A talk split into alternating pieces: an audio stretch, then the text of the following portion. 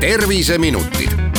saate toob kuulajateni pereoptika, kogu pere prillipood tere, head kuulajad, eetris on Terviseminutid ja me räägime tänases saates progresseeruvatest prilliklaasidest.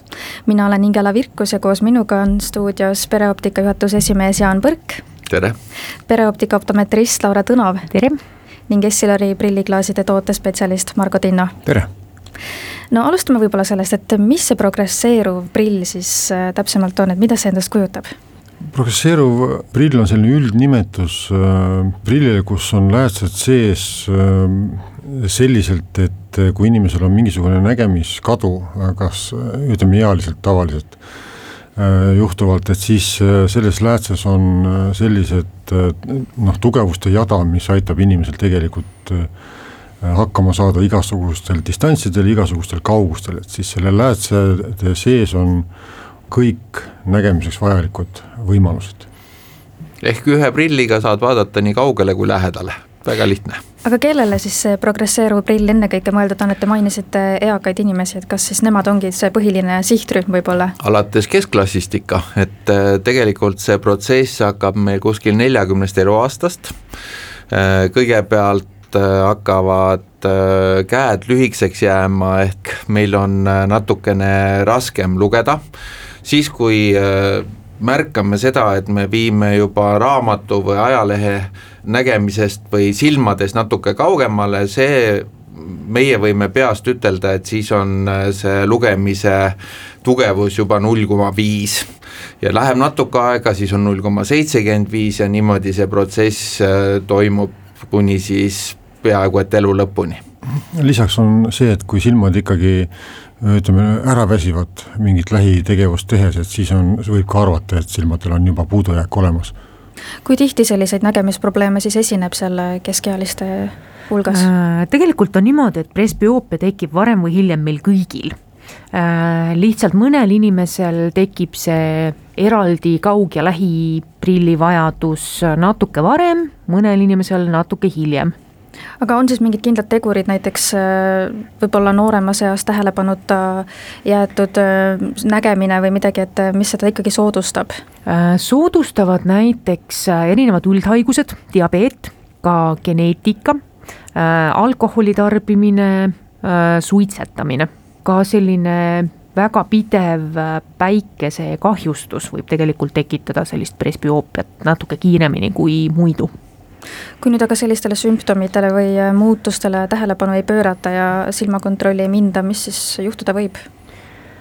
selle nii-öelda läätse vananemisega seoses selles mõttes midagi väga halba ei juhtu, lihtsalt endal on väga kehv näha, aga kindlasti viimasel hetkel, kui juba see presbüoopia on väga-väga arenenud ja on tegemist juba kataraktiga, siis tuleb minna katarakti operatsioonile kuidas siis aga progresseeruvad prillid seda kandjat aitaks?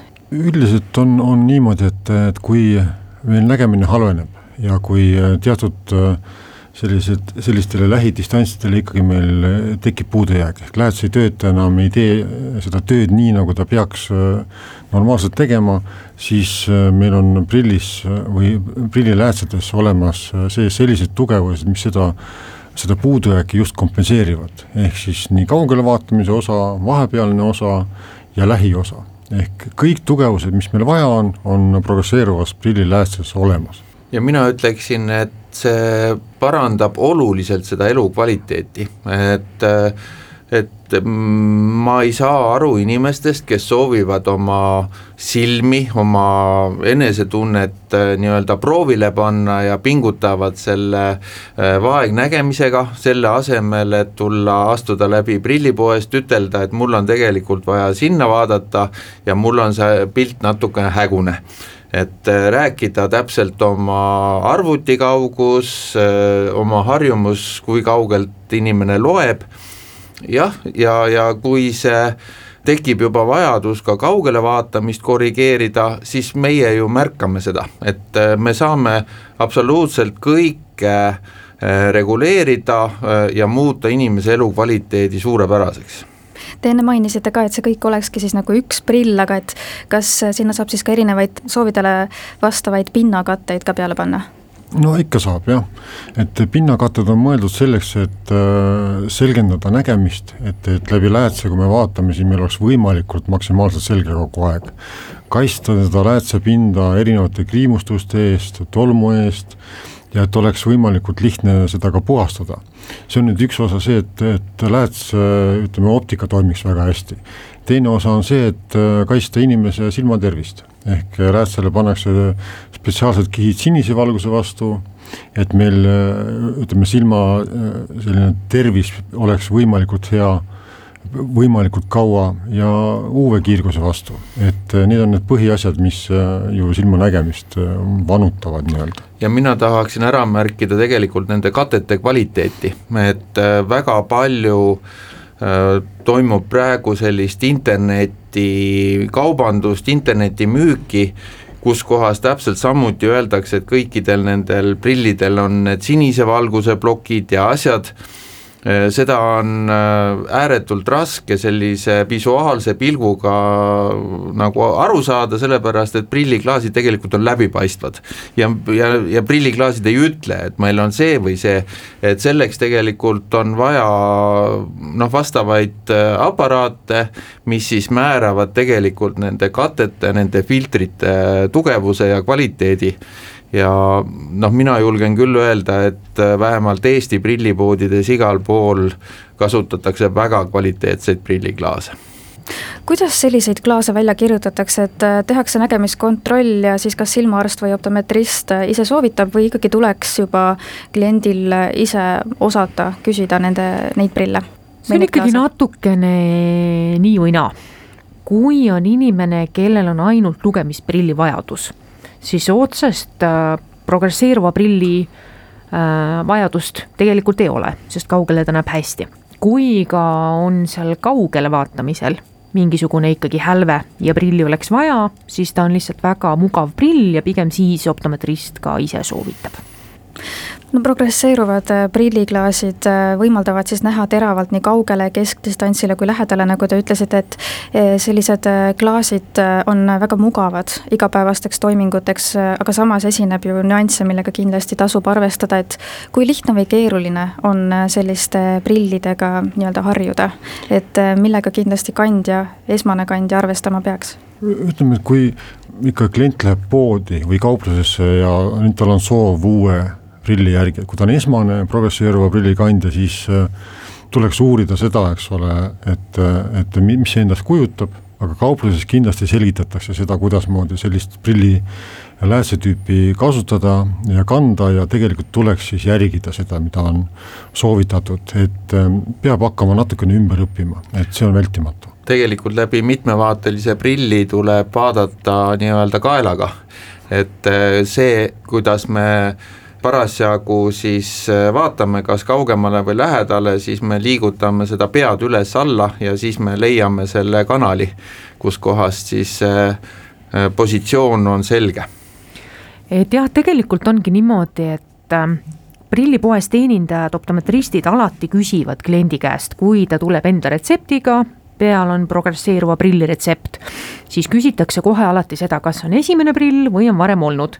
ehk siis saabki möö-, natuke rohkem tähelepanu pöörata sellele, et kuidas see nii-öelda valmis prill kliendil näiteks nina peal istub.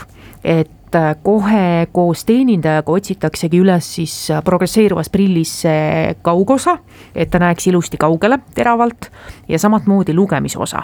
ja siis vaikselt äh, hakatakse otsima ka seda keskdistantsi, mis on see arvutidistants aga mis võivad olla ikkagi need kaebused, millega tasuks siis arvestada esmakandjal, et kas näiteks pea võib natukene ringi käia või? noh, üldiselt on niimoodi, et kui inimene varem ei ole progresseeruva läätse tüübiga kokku puutunud, ja siis ei ole seda kokku puutunud ka nägemiskeskus. ehk nägemiskeskus või see, kuidas me näeme, ei tea, kui ta läbi läätse vaatab, eh, kui seal on, ütleme optiliselt on see läätse ülesehitus keeruline, et, et kuidas seda infot kasutada.